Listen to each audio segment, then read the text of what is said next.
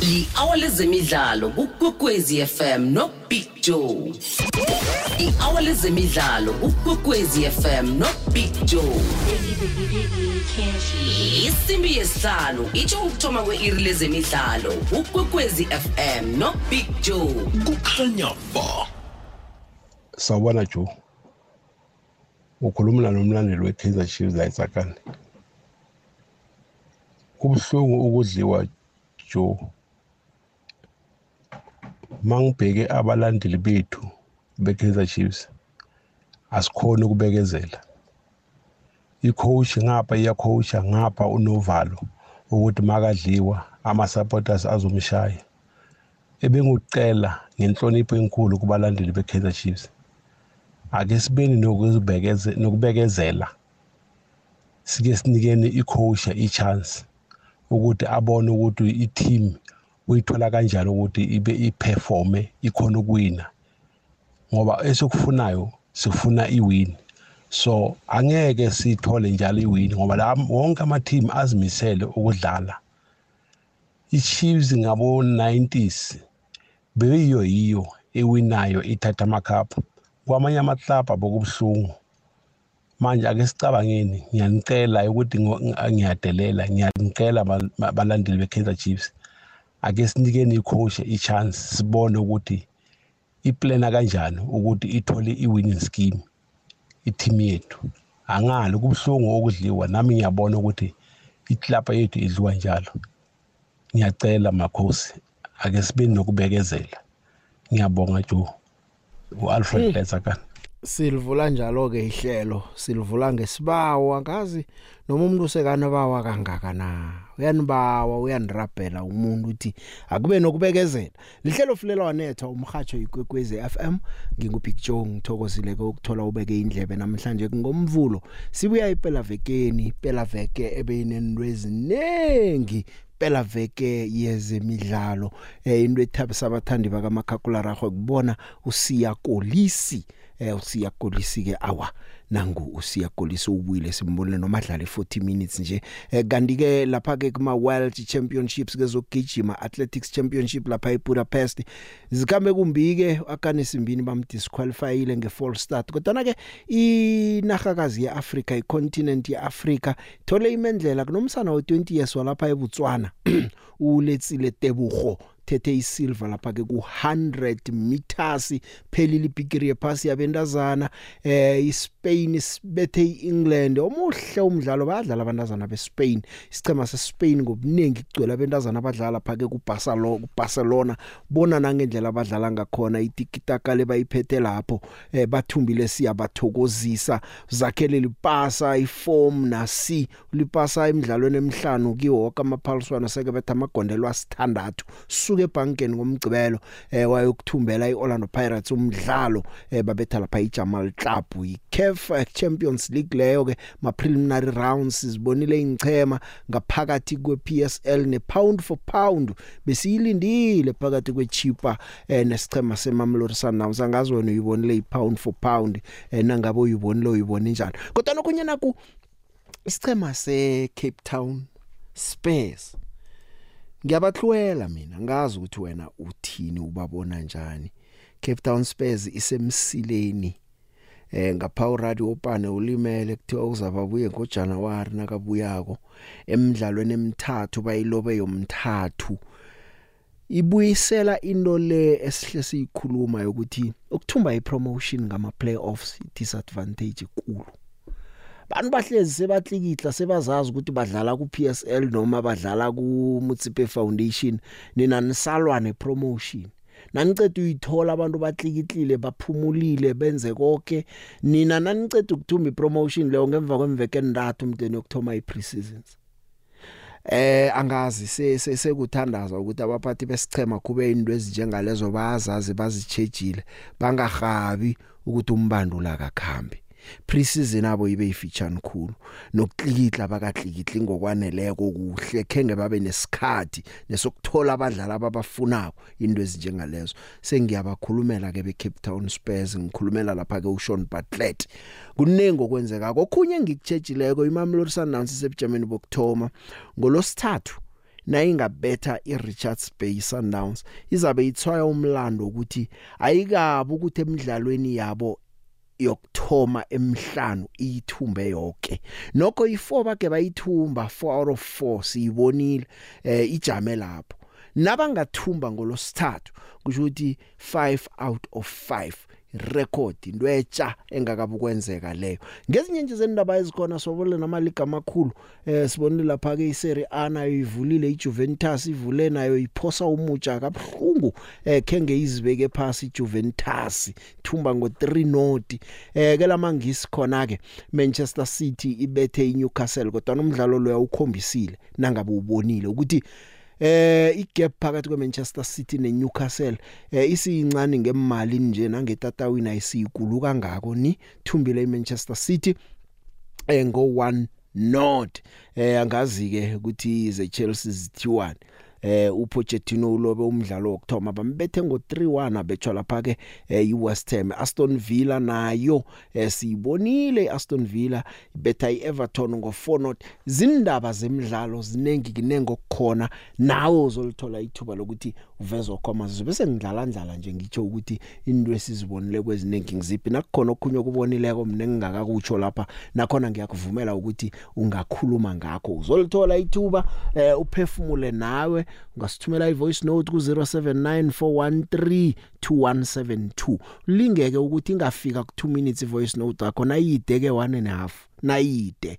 eh ngoba uza kuhluta ivoice note amayidlalwa kanti vane sibone ukuthi ide khulu isikhatha sikho kanti okunye ke eh ku 0860003278 nakhona ke uyasithola lapho ke eh nangabe umuntu ufuna ukudosa usithumele umtato ungakhuluma nanyana yini nabo sofengwana bethu napa madoda na uthi ubonile eh ngathi ukukhulukeza na uthuthi nakukuyeza na uthuthi nakukuyeza asasa okay ke ngijinge kuma Springboks uthabile usiyakolisa bathumbile ngo52-16 babetha iWales ne eh umani liboko ngathi ngakhuluma mina ngathi madoda sinamlo raga ko lapha kwathiwa uliboko lo ngathi uzakuraga zona ukhutha ama penalty ayi4 kulomdlalo lo kuyafuneka ukuthi nawe leyo bayicheche sisiya lapha ePaulson and leBigri pass ke sizwe ngokoyi kolisi ngemva kokubuya kwakhe felt amazing. Um, the fact that, um, yeah, I didn't have any fear going into the game. I think our training sessions uh, prepared me a lot. Uh, I remember uh, we were doing a, a, contact session and I asked the guy to hit me a little bit softer and Peter Steph came to me and said, trust on you, you're fine, you know, and th- that, those kind of things, you, you can't buy that. Somebody has been through that. And so it was really good for him and Al here and Andre for me. It was really good. no navalo izawulunga ezo zinto izawulunga izawufumana i-confidence akhabe kakhe um and bakhona nabanye abakwazi ukukhabe apha etimini ngusiya golisi bekakhuluma ngayo uLibo Gloat no iza kulungiswa into le uza kubuya rahe kuhle na umuntu nomakhakula raho mhlawumnye kukhona ongakutsho lapho eh kodwa ke umbanduli eh uyakunina ba eh uthabileke yena ngusiya golisi ngendlela angakhona kodwa ke eh, asazi ke ukuthi uzokudlala imizuzu emingaki nakudlalwa neAll Blacks ngolosihlanu ngoba nje simbonile udlale lapha ke eh, 40 minutes uthi uthabile ngokubuya kwakhe kodwa into ayichoko nje ukuthi isichema sakhe asikhombise ukuimprove kilokho abakwenzile kona abathumba ngu 5216 amabhox nokho ke betha ma try i8 malinga kondelwa bunane wonke iWales bethe inye kodwa na usicheja ko isichema seWales lesa uzokubona ukuthi bekungasiswe sicine cine ngo isichema sabafake nje abadlali abancane iwarm up match kulungiselelwa ibigiri yephasi ke sizwe ngombanduli Jack Ninaba The plan with Sia was as long as he's productive on the field, we're going to leave him. But we got capped uh, by the medical team on 40. So we were never going to give him more than 40 minutes. And we had a conversation and said, listen, you go out as hard as you can with as much intensity as you can. And the moment that, that we can see he's not productive anymore, which obviously didn't happen, and the moment he feels, listen, I'm not productive anymore, then, then we will pull him. But from a start, we said, listen, we probably, if everything goes according to plan and you're productive and you feel good, then we're probably going to give you do 40 minutes. Yeah, that's what we did. That was a guideline by the medical people. Oh, no, we have to get better going into France. You know, we we're obviously in a side of the draw that that that's knockouts from game one. Um, having just to get out of our pool, we have to be on form, and I think that's what we were trying to do. Uh, uh, do was probably spreading the load. Like today, we got RG got a full 80. I, I don't know when last he played a full 80. uh, he said his diesel was was was singing, uh, but but it was good. It was good to get him, uh, uh and and and that that's what we're trying to do to get everybody some match minutes. It's not always possible. Um, a guy like Jaden got got some minutes, and I'm I'm happy. Like Sia got his first minutes today. Jaden got his first minutes, and Oxy got his first minutes, and I thought they were they they they utilised every single minute they had on the field. yasicalile ke sesizakubona ukuthi badlala kanjani nama All Blacks asefomini inhle eh lokho ke kuzasipha isithombe nathi ukuthi siyokusebenza kanjani ePaulson leBigree Pass eh lapha ke kuma Athletics Championship kuma World Athletics Championship eBudapest indo sizibonile nangumswa weUganda nguJoshua Cheptegei eh uthumbile ke lapha ke ku 10000 meters eh uthumbileke lapha lomswa ngosondo ebusuku eh kuthena kusele lapha ama laps ayi25 ama round ayi25 wambona faka ibelohle thumbile 27 minutes 50 eh, 27 minutes 51 seconds 27 minutes 51.42 seconds yeah isikhatsi sakhe ngiso leso ke eh uphethe ne record lephasi eh ku 5000 meters nayo i 10000 meters le simbonileke lomswa usebenzile hlekani ujawu besibili kwaba yiKenya nakhona besithathu kwaba yiEthiopia wabona ukuthi Africa kulamabanga amade iyasebenza eh uTebogo weBotswana ke usitholele imendlela ke naye eh lapha ke ku 100 meters imendlela yokuthoma yeAfrica kileli banga le 100 meters asikavama asebenza kuhle eh, besicala ukuthi akhanise imbini mhlawumnye mhlawumnye mhlawumnye kodwa ke kubhalile i false start eh kwatsho khona ukuthi iya disqualify wakhe ngizo lezo ke nje ezinye ehlangana nezinye eh, ezinye sisakhamba sizithola lapha ke emalangeni zalapha eBudapest eh, lapha gijinywa khona Spain seyindaba esiyazi eh, kosoke ukuthi bazinkutani zephasi so captain abo eh, Olga Carmona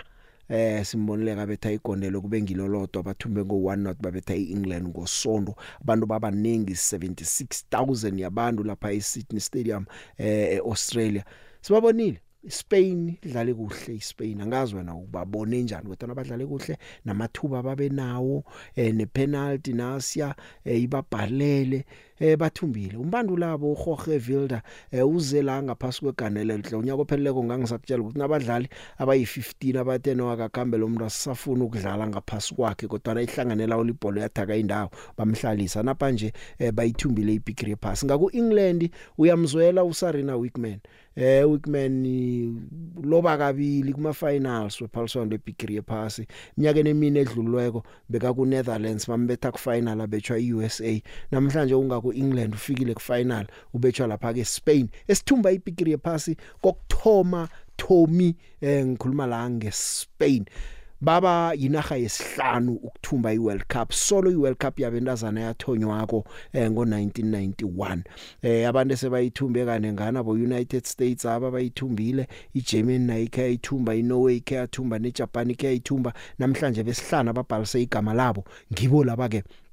eh beSpain ngibona ne injury time 13 minutes hey sasho sathi ayayayayay mhlawumbe iEngland iza kubuya ke la iSpain ndoda kodwa noma kunjalo bebabonakala kungiba bangalibetha godu igondela abantazana beSpain kenge bathuwe kenge babe nomraro kenge yazini baphenike bawudlala umdlalo babawudlala kuhle umbanulo sicaba seEngland uSarina Wickman eh uthi abantazana bakhe beEngland noma balobile nje kumele bazikhakhazise badlale kuhle eh ya kubhlungu kuloba eh kuma final kabili ngokulandelana eh uWickman lo eh kodwa ke uyatsho nje ukuthi noma kunjalo abadlali bakhe noma inhliziyo zibhlungu kumele babone ukuthi benze umsebenzi omhle kangangani impumelelo ingangani ngeke ngakutshela ngathi Spain igcwele abentazana beBarcelona lapha eh Champions League uMen's Champions League eh ithunjwe ngibo bayiphethe ngakibo iquality siyibonile kulabentazana eh uyakhuluma nangeSpain yena uWickman lonke emva kokuthi alobe kuma final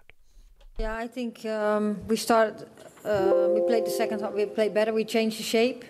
I think we got momentum, uh, we got more on their half. Um, then they got that penalty, and when Mary saved that, I thought, okay, now we're going to score a goal.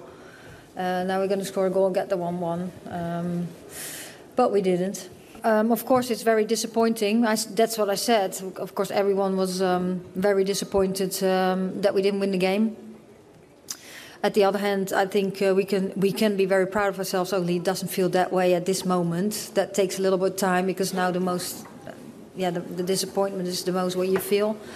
Um, but everything we've done, how we have grown into the tournament, um, the challenges we had before the tournament, during the tournament, how we have adapted to situations, and we have given everything what we could um, in this tournament and also in this game. And I think Oh, you asked me what I said to them. That's that's basically what I said, that we could still be proud of them. And and yeah, when you give your everything, sometimes uh, a team uh, wins, and it's just a little better. They are absolute the team with the best possession game. Uh, we knew that ahead of the tournament, but I think they've uh, already they've even been better.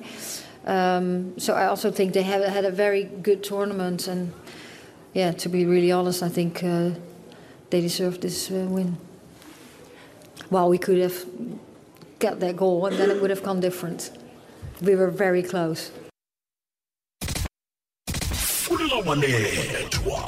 ginorio kwamabunda ema-arab adisturba i-peace ye-world football nangabuka kokuthi ama-arab endani utawuvumelana nami i-balance of power iyashisa iya e-asia bangayikhuluma bathini bathi kuya amaplayer la over the hill e-asia asinjalo nangathi uyabuka le-age ngalesa sikhathi elibhola lase-amerika lisathanza ukurecruiter badlali lesebakhulile belithatha kubo-33 34 ma uthi uyabuka la ma-arab athatha kubo-27 28 soon batali bathatha kubo-23 24 lokutawenta kokuthi iglamour ye-europe i-european football ibe diminished ngoba lama-arab ayiphethe imali langenza ukuthi i-football power ihambe iyoresayida e-asia kuphela nje nangakhona ukucontrola i-world media kakhulukazi i-television sobona i-balance of power ihamba forever iya e-asia kuyeka le-283 siyakuyo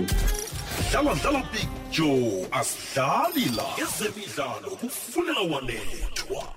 isisongiwe njalo-ke ibhigiri yephasi eh umdlali weSpain lapha uAitana Bonmati eh uthumbe igolden ball kusho ukuthi imidlali wetournament yonke una 25 years udlala iBarcelona ube ne tournament ehle udlale yonke imidlalo eh weJapan ke uHinata Miyazawa eh, yena ke iGolden Boot uyithumbile uyi-top goal scorer kuleli phaliswano nga5 goals eh usomapala weEngland uMary Epps eh usave ne penalty kuma final uthumbe iGolden Glove eh young player yaya lapha ke kumntazana walapha eSpain eh nguSalma Paraluelo muhle umntazana udlala kuhlehle kanti ke iSweden lapha ke ebujameni besithathu yayibethe iAustralia eh, ngo2 not yathatha ubujamo besithathu kungendlela lisongeke ngakhona ke iphaliswano lebigiri yephasi Kengibuye ekhaya kodwa ke ngingakathoma ekhaya pha ke angikukhumbuze godu ke ngakutshela ukuthi Orlando Pirates ithumbile kazi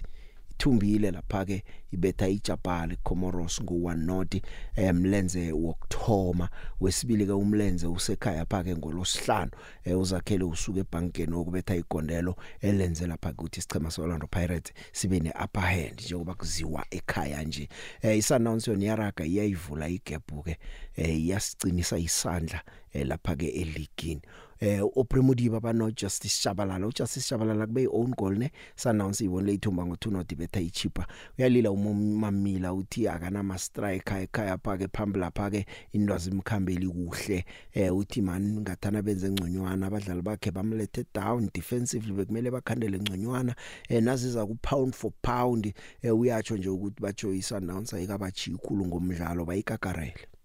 Okay, let me answer you. Firstly, the strikers injured a week before before we start the match. Where, just tell me the striker that is available that does not have a team. None. I'm telling you, Sundowns they don't have, they only have one. There's no other one. Chiefs are struggling also. They're looking. Other teams also. There is no strikers in South Africa. We can say whatever that we want. There's not none. The top goal scorers are not South Africans. Most Let's be honest. The the first goal there wasn't no threat, uh, lack of concentration. We gave them that, you know, two seconds uh, chance. They didn't create it. We gave it. We gave away the second goal also, an own goal, gave away. Come Marman one on one with the keeper, it's a goal. Bulenga one on one with the keeper, it's a goal. But uh, as long as you in the kitchen, you're bound to get some food. So as is now, we're creating chances. It's just a matter of that match that we need to to score a lot of goals. We didn't give Sundown space to play. We pressed them from top, from the top. They lost too much of possession. They didn't create a lot of chances. Um, even if you check the stats, uh, my keeper only made three saves. Their keeper made four saves. Uh, go and check Sundown stats for the previous three matches. Against Swallows, zero shorted goals, zero on target. Against Colts at Arrows, if I'm not mistaken, it's one. Against Chiefs, I, I can't remember. So it tells you that uh, we were a better team compared to others, uh, offensive wise. It's just a matter of time where we need to start scoring goals. ngumamila ke kwathonywa ngolosihlanu kokwakho eh, iSuperSport yathumba ngo1 betha ngo1 not bethi Cape Town City eh ya umdlali nanga ngwe Sundowns umdlalo lo bamboleke iSuperSport United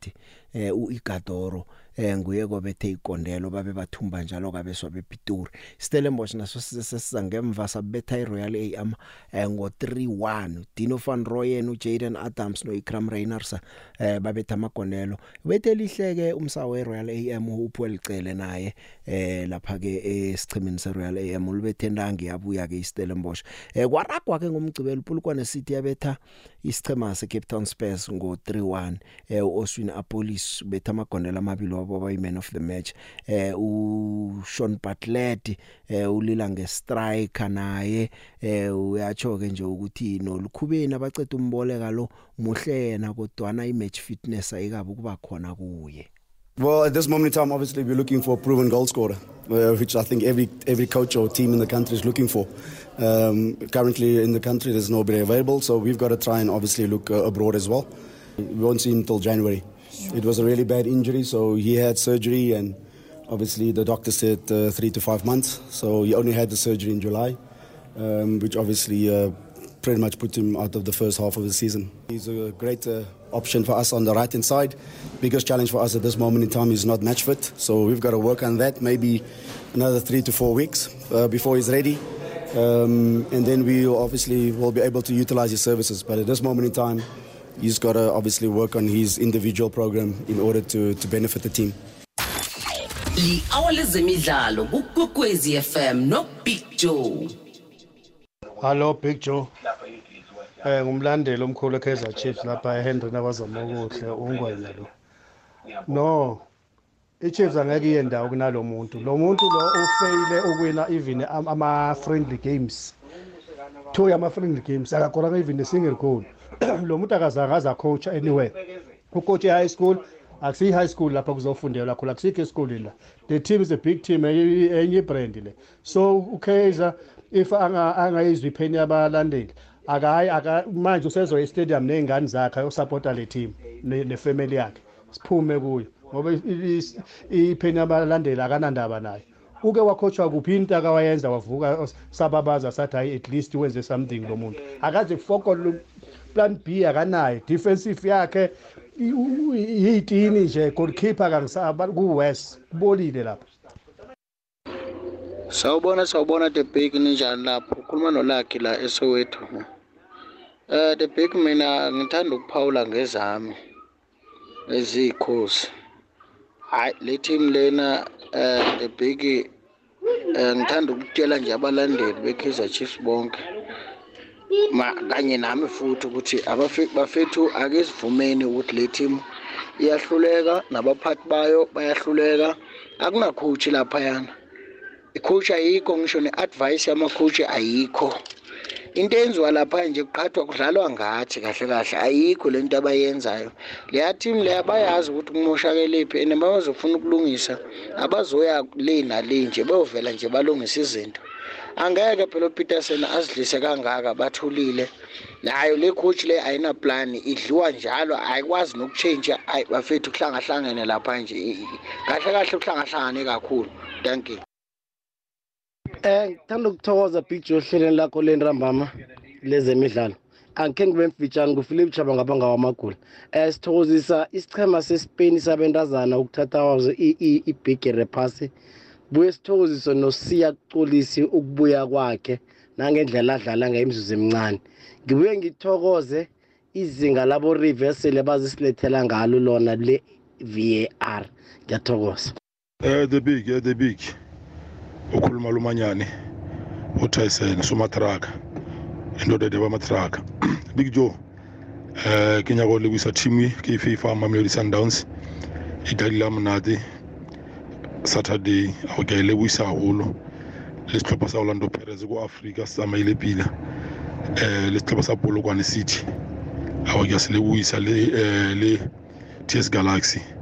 big joe chiefs o botsa nnete a ke e rate mara one bjanno ke thoma e utlwela botlhoko bjanno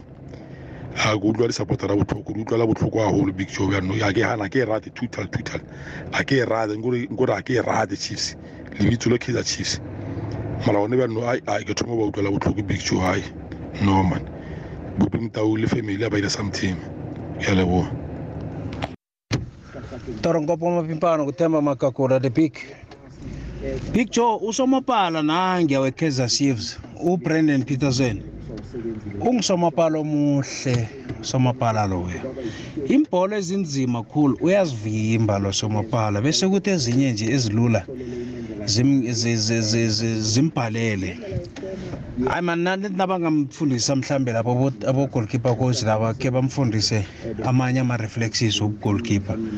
bese nangumolifekintseki yena the big asimbekezeleli sibalulenda besicama se-kaizer chiefs the big akusiza ukuthi solo sokunande sitshentsha abocoach siyaleni naleni i-chiefs nakhona mani nabomntawonke ke bakhambe ke bakuhlola mani ke kubosiyazi ke bahlolele mani baprofit or enyangeni mani kunento ngathi ayisirehe lapha kwi-chiefs apha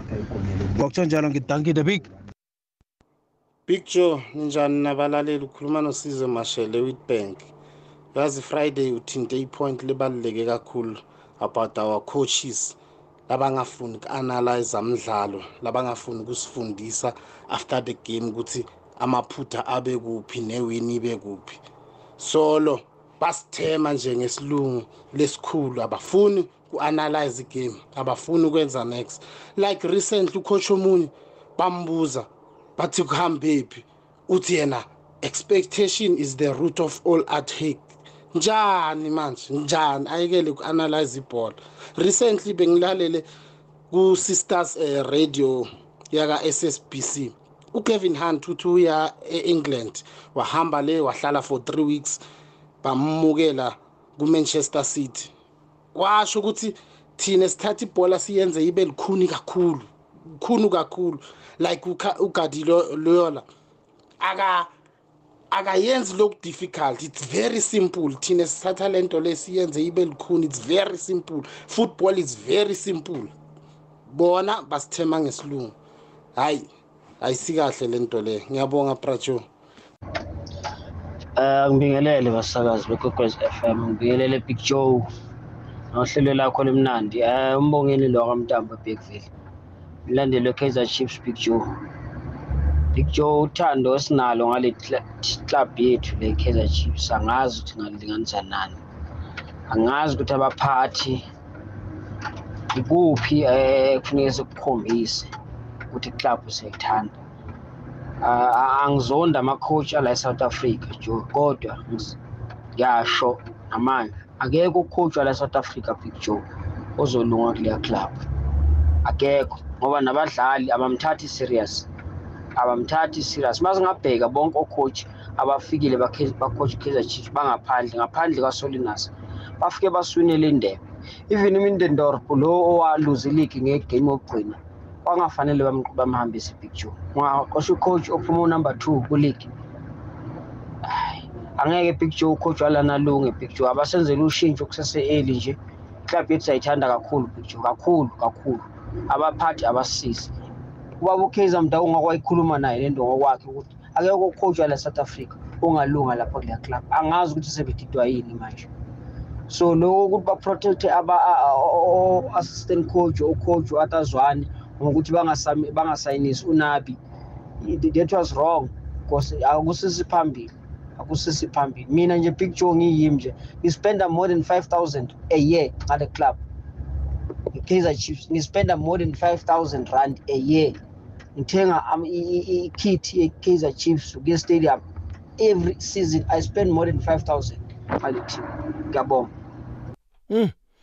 ya kubudisi ya uyazizwela ke bantu bayalila namhlanje ngomvulo eh abalila kungabalilako abathokoza kungabathokoza kudlaliwe eh nalapha iKZN bekune derby kazi eh, amazulu neRichards Bay eh nakhona lapho kudlalwe iNot Not ngazi eKZN izinto zikhamba njani nakhona asakukarisa pha eh na ungathi uyajeja eRichards Bay ihlezi lapha ku number 14 ku number 15 sichema seKZN iRoyal AM amaZulu ahlezi lapha ku number 11 nawo eh amaZulu adlale nje ama draw ama draw amathathu babodwa bathi sichema na usakhako usithoma ngemva wakhandela kuhle ukhambe uyokulungisa ngaphambili angazi ukuthi lokho kuzakuba liqiniso kangangani eh ngoba umbanduli uPablo Franco Martinez eh ngucijimbi bamba igama elithi cijimbi eh uthi umraro awukho ekampeni nabo noma kunje eh badlale idraw yesithathu isizini lesolo ifikileko uthi abaphathi besichema bathabile ngomsebenzi abawenza ekampeni nango No, you know, uh, eh, off the field, the atmosphere is unbelievable. You know, I invite all of you to come to the training sessions. This week, uh, we have also some dynamics to do some team building. Uh, in fact, if you listen to the players, if you listen to the people in the club, they are saying that this atmosphere and that kind of, of work and eh, commitment was never seen here in the last uh, years. So from there, I can tell you uh, everything is perfect of the.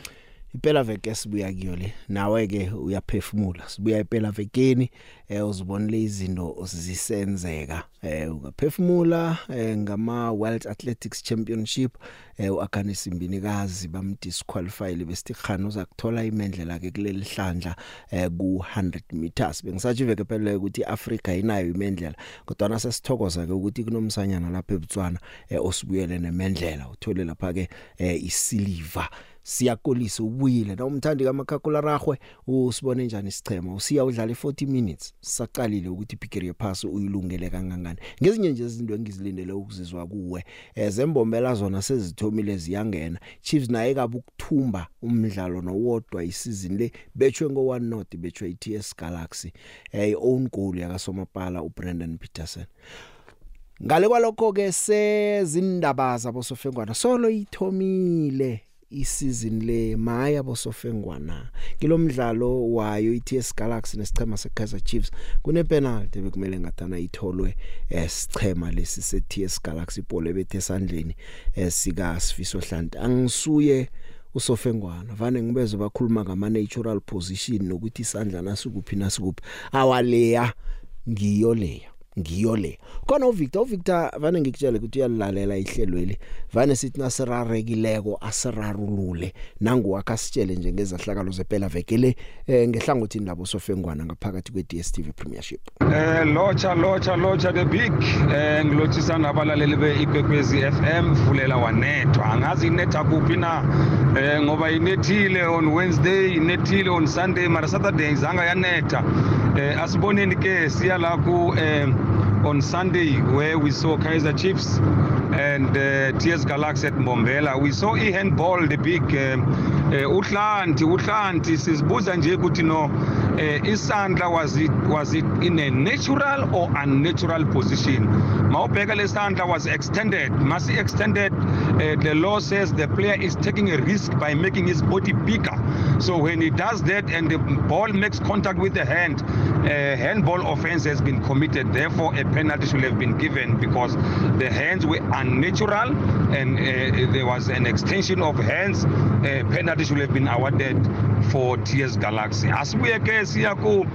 eh Wednesday lasibone khona isikhukhune neswallows how the big ayaya isafa eh uh, referees department is not happy uh, about the performance of the referee in that match because they felt would you know uh, uh, that decision was very easy The law is clear. When the goalkeeper has the ball, he cannot be challenged. Cha ukuthi goalkeeper makabamba ibhola, awufanelanga umchallenge. So uMango ngimbiza ukuthi umzanga ngoba imali lawo mawuthi my friend uthi umzanga. Umzanga took a chance by challenging eh uSangara. Ah, ba ref bayifaka bathi hayi igoli leni. Ah ayikho igoli enjalo at the big. That's why when ISAFA was very angry, Babanike 16 weeks, uh, because they are saying they cannot as accept uh, a performance in Jala. But the performance in Jala is very poor to the standard of the PSL, to the standard of SAFA. Therefore, uh, they cannot accept. That's why Babanike a harsh uh, punishment. Uh, we hope it sends a good message because Saturday, Friday and Saturday, we saw a huge improvement. Butando Zanzeka, they did very well on their games. And um, yeah, we, we, we, we hope we get nothing there in terms of improving manje babuya sunday hayi ba-ala ngepenalty but overall performance was very good yiyo le penalty kuphela um eh, leba-ale ngayo um which need some improvement in terms of the performance of the referees um siyabonga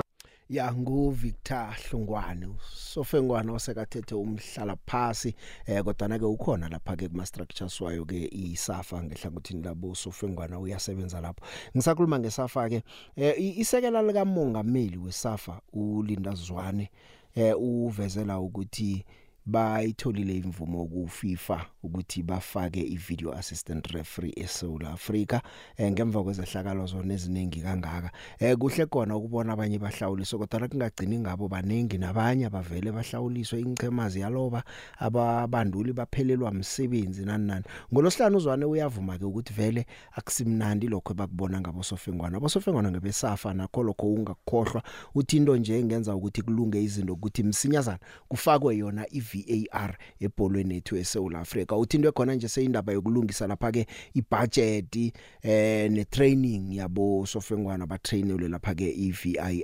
iVAR eh uthi mhlawumnye ke ekhaya bangayilingelela ngama cup finals season le mhlawumnye ke isizini nase iyokuphela becho bazakwenza lapha ke i roll out ke mhlawumnye ke vele nakungasinjalo ke singathoma ngayo isizini ezako kutsho lapha ke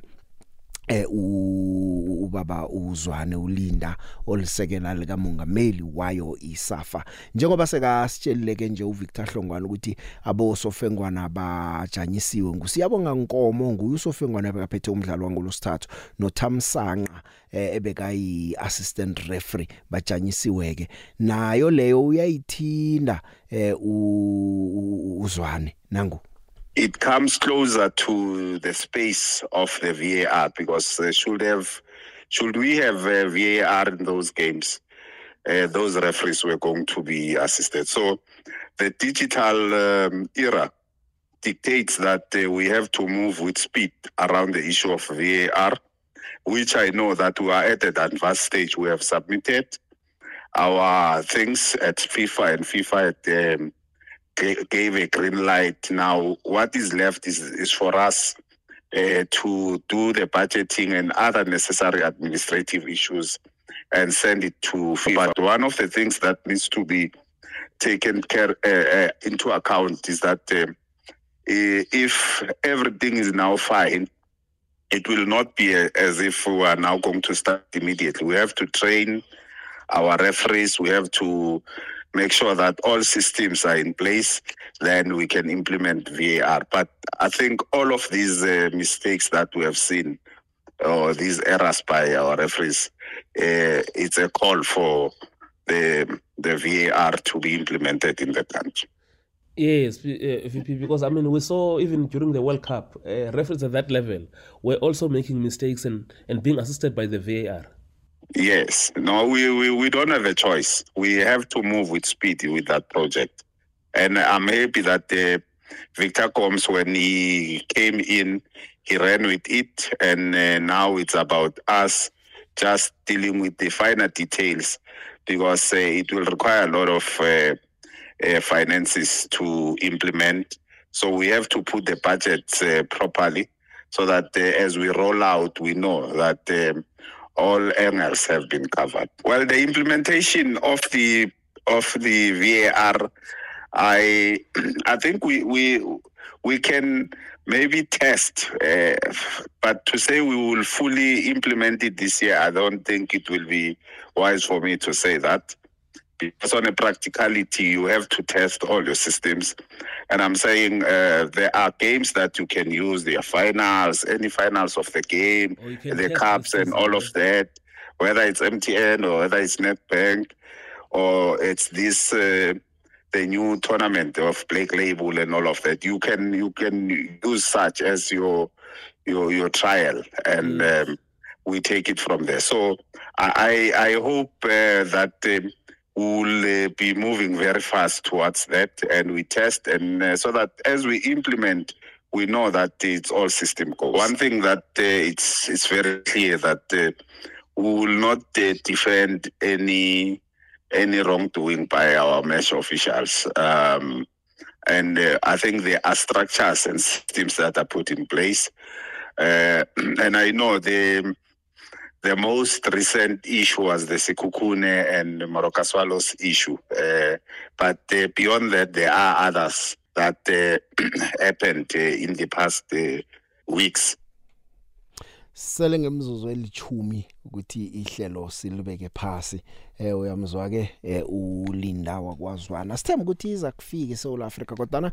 abangifuni nje ukukhuphula amathemba khulu nayo izokuthina icede ukufika eh, sithome ngemirarwana cool. ngakungathi ngathi e, ekugcineni ingiqundu zithathwa babantu ingiqundo e, e, ezilandelwa lapha eh sithembe nje ukuthi esifunde nje sonke sekhosafa ukubandulwa kwabosofengwana babandulelwa iVAR kuzakukhamba kuhle babe sezingene kungilo bese kugcineni nase ifika bakwazi uyisebenzisa kuzokuba msinya ngendlela umuntu angacabanga ngakhona nalapha ke ke lamangisi eh sibonile ke iManchester City bethile iNewcastle iManchester United lobile ibethe Spurs eh iLiverpool nayo ithumbile ize seyiza ngemva ibetha lapha ke iBournemouth ngo 3-1 eh iBrentford Brentford thumbe ngo 3 north isibethela ifunde iFulham lula eh uPochettino yena sekalobile ke lapha kuChelsea umdlalo wakhe wokthoma eh iAston Villa namaphuzu wokthoma amathathu iwathethe isizini le ithumbe ngo 4 north betha lapha ke iEverton midlalo nje na umthandi umdlalo welamangisi eh nakhona nje ngiyakuvumela ngisele ngamzuzu elithumi ukuthi hlelo ngilibeke phansi ama voice note maningi ngiyazi ukuthi nala emtatweni bantu bayafuna ukuphe ukuphefumula njengoba sibuya impela vekeni yeah the big yeah umdlalo engakhuluma ngawo khulu ngewe-kaizer chiefs ne-test galaxy big joe nawucala umdlalo we-test galaxy ne-kaizer chiefs kuyakhomba ukuthi umbanduli we-test galaxy uplene ngcono kunomlifenseki ngoba nawuthi uyacala big joe i-TS Galaxy isadlala ngabadlali abanganga uphaka uphaka mdala eh umbatha lindo kuhle mbatha mdala bakhone ukumatcha isichema esitsha lesi sithi Kaizer Chiefs esinabadlali abakhona ukugijima abancane futhi ngeminyaka mara baplane engconywana kune-chiefs i-chiefs ngiyehluleke kuplana big joe na uhlula isichema kutsho ukuthi wena nguwe ohluleka kuplana isichema lesi siplane engconywana big joe abantu singalila senzeni i-chiefs ayinambanduli nabo laba bakhona ama-assistant aba big joe bayahluleka ngikho i-chiefs ngeke phambili sithokozele big ngubhuti soyola la the big hayi khona swatika ka ntseki kamlefi ntseki the big a na information ya na formation ya the big a a a nga na plan b the big a nga na plan a so fana wa ta biwa phela ntseki stadium wa va ta n'wi ba so uh, the big the only thing aka n'wi change tseki a huma ka ka kaizer chiefs va lava coacha wo antswa a ta kota ku coacha club liya ha emthombeni kwala joburg the big ta kona picture mandak yesema aphetipsi ukuthi picture picture eh to amafans ekaizer chiefs picture iteam ze-16 ku-psl you can't ukuyobetha nokuyozibukisa as a hooligan eh while we have so many options irongo lento esiyenzayo as ifans ekaizer chiefs going back to the game eh picture ucoach wethu mlivinsiki ne-technical team yakhe bazibonakalisile hhayi they are tactically bankrupt uhlanti kudala esokola uh, we have Froslav who can play uh, right and uh, eh, left uh, we have Solomons on speed or solid um kunombatha uliphele endlebeni why can't you take uFrosla umsenga le and then put uSolomon eh ozomatcha umbatha with pace eh okunye big joe um ah, and you can't have two uh, defensive midfielders uMartin noCastillo one of them kumele uphumile and then have uh, unumber 10 ocreative noba ngungcobo noba ngumdantsane and have more offensive players eh nokunye big joe for mna i442 eh iyayibreaker eh ipattern yenye team especially xa ungekho good ufana ne-kaizer chiefs but to i-management i-kaizer chiefs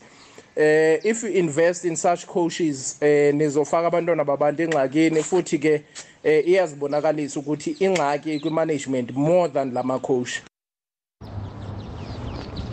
mm, Eh babusini ake ngikubingelele eh ngiyayizwa lensizwe ethi iyacela isotsakana icela ukubekezela umbuzo wami munye kuyena ukuthi i-kaizer chiefs inamajaketha abizwe 5000 kapula agqokwa abalandeli bayawathenga bayawagqoka um eh, iprojekthi yeteam leyo bathathe imali zabo bawungena enkundleni e, e, imali zabo lezo bafaka amapetroli ey'motweni zingaki iy'kipha ze-kaizer chiefs esey'thengiwe siyimali isikipa sisinye iprojekthi ye-kaizer chiefs leyo eh bese kuyoqashwa umleshi insiki eh kuthiwa kubekezelwa kubekezelwe umnyaka 8 lokho kuthiwa kubekezelwa akubekezelwa hayi akukho konakela i-Kaizer Chiefs light njalo kodwa kabantu uma befuna ukuzuza i-Kaizer Chiefs ubhlungu abagodla amandla abo ilokho vele abangakwenza kodwa khona ngoba ama-benefits e-Kaizer Chiefs ekuhlosile neyakho phambili ngakho kukhona imali iyayithola yonke into inayo eh, for ngokwebhola kodwa ngokwabalandeli abavele bakhohlwe ngoba abaveli abacatshangelwa ama-benefit abayona i-benefit ye-club ma uphila nje kahle emzini wakho ungenankinga ungaxabana ney'ngane zakho zihlalele phansi ungayistadium ugodle amandla akho ungathengisha ama-projects e-kaizer chiefs bezokwazi ukunicabangela ma ngabe nisaka kanje nigcwalisa iy'tediyamu niyoganga nijikitshela amathini babevele beyilindele kawe i-kaizer chiefs lento bayazi i-kaizer chiefs ayinankinga nje encane kubona bona bayenza le nzuzo abayifunayo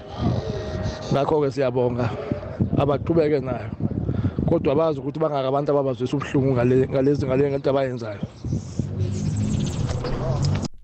ya mibono yabalaleli yahlukahluka eh sekuthi isikhathi ngiso sinomona yabona namhlanje besingathatha ama hour amabili wonke okay. abantu babhodle umuntu abhodla bhodle abantu bafuna ukubhodla nala emtatweni bakhona abafuna ukubhodla usemoyini yacha Bintu akwande Uyaphila Ngiphilile baba kunjani ku Yaphila ukhuluma nolakhe la Joe La ke Joe akusuwelo ngidlale ivoice note yakho Yebo akusuwe bengidlala ivoice note yakho akathumela ivoice note Ah ngizange namuhla ungidlalele yami udlale omunye ulakho ke wasebhemveni okay lakhe Jozi uthini wena namhlanje ubig Joe mfowethu usabalandeli beChiefs kubhlungu kwenzakalayo nebwethu mm yeah ngawubuka ijezi leChiefs mfowethu libiza 1.2 li1 mm yes siyawathenga amajezi izolo we travel all the way from Joburg to Mbombela hayi Mbombela yes mfowethu i transport ibiza 650 i return yes endleleni siyana silale emahotela uyayizwa hmm. mfowethu lento ebuhlungu kanjani ufike uyobuka leli abholo besilibheke izolo kwethu angibathatheli phansi abaqeqeshi base-south africa akabasoze bakhoja i-kaizer chiefs ngisasho labanye wakwayikhuluma umtawung kwaba nabantu abangathi bamsola kodwana-ke ku-orlando pirates bayilinga bayibona msinya bayehla indaba ama-local coaches um eh, i-chiefs isasele-ke yona kuma-local coaches naku umtawung wayeyikhulumile before iqasha ukhompela Mm. and eh, ngibona uh, ukuthi inkulumo yakhe abantu base-south africa zange bayithathe serious so wagcine eqasha ukhompela kodwa since kwenzeka leyo nto chiefs yaqala nje ukuba neproblem ukuqashwa kwakhompela akekho umuntu coach wafike walunga emva kwakhe lathi ngithokoze ayi ngiyaxolisa nje ukuthi isikhathi kodwa nje singabalandeli be-chiefs bangasiclaim ngale behavior esigcina siyi-behavior laphana mfowethu konke ubuhlungu benhlizweni nizokubotshwa hlalani emzini yenu niphosa ama-tv wenu ngamatshe uthando esinalo alivumi ukuthi sibuke ibhola e-tv thokozile lakhe sharp usemoyeni eh big show akwande eh Yebo wephu. Vala umhatsho. Hayi, wait, network engafuna ukucisha manje. Isabona picture. Akwani. Yebo wephu, la iKZN umlandeli weSundowns la. Miya. Mm. Eh picture angeke ngibongele iSundowns wepicture ngokudlala kahle. Eh no no nonkulu ngibone dlala kahle picture. Ngiyabona uMaseko uma ngabe engenzi kahle iskimu uzoswela. bese ngithi big joe hhayi ngiyasibongela nespain big joe bese ngifisa i-sundowns-ke mighty dlalan richards bay ukuthi iwine big joe danki ngolosithathu ngithokozile miya ngithatha omunye wokuphela usemoyeni yetsha akwande yetshe uh, nomlaleli kukwez f m alfred kwapundulwana the big narisanda wana kwapundulwana eish the big yazi um ngihlungu mani nge-kaizer chiefs the big iphefuma nge-kaizer chiefs iwile the big i-sundowns nje la ku-p s l ayisenacompetition sinacompetition kabuhlungu khulu um eh, the big ngicabanga ukuthi abantwana be-kaizer chiefs ababekezele man the big eight years ezakule ngicabanga ukuthi i-chiefs izokuba rehe the big angazi ukuthi yangana ngiyakuzwa eh, ngithokozile alfred ahake ya sakhuluma nge-sundowns nje hey i-sundowns eh njengoba ithumbile nje nayibetha ichipa uRulani Mkwena akakahlulwa eligini solo abambandulo zijameleko emidlalweni eyi24 uwine 18 udrawe 6 ngisatsho na nje ngithi ngolosithathu nabadlala lapha neRichards Bay bayibetha iRichards Bay kuzabe bathwaya umlando abakabe ukuthumba imidlalo yabo emhlanu yokthoma ngokulandelana eligini eh nabangakwenza lokho ke kuzabe kulirecord elisha nje bane 4 out of 4 bangenza 5 out of 5 thini ari ay eh siyabathokozisa wathokozisa ngilokho engakusho kodwa hayi imsebenze emihle mm. eh nawuphethe nawuphethe iquality Mm. eh kuba ngaleyo ndlela leyo Dokozile mlaleli ayibe kulali lokumnandi ukusuka la ukuya phambili sihlangane kusasa uzalithola ithuba lokuphefumula godu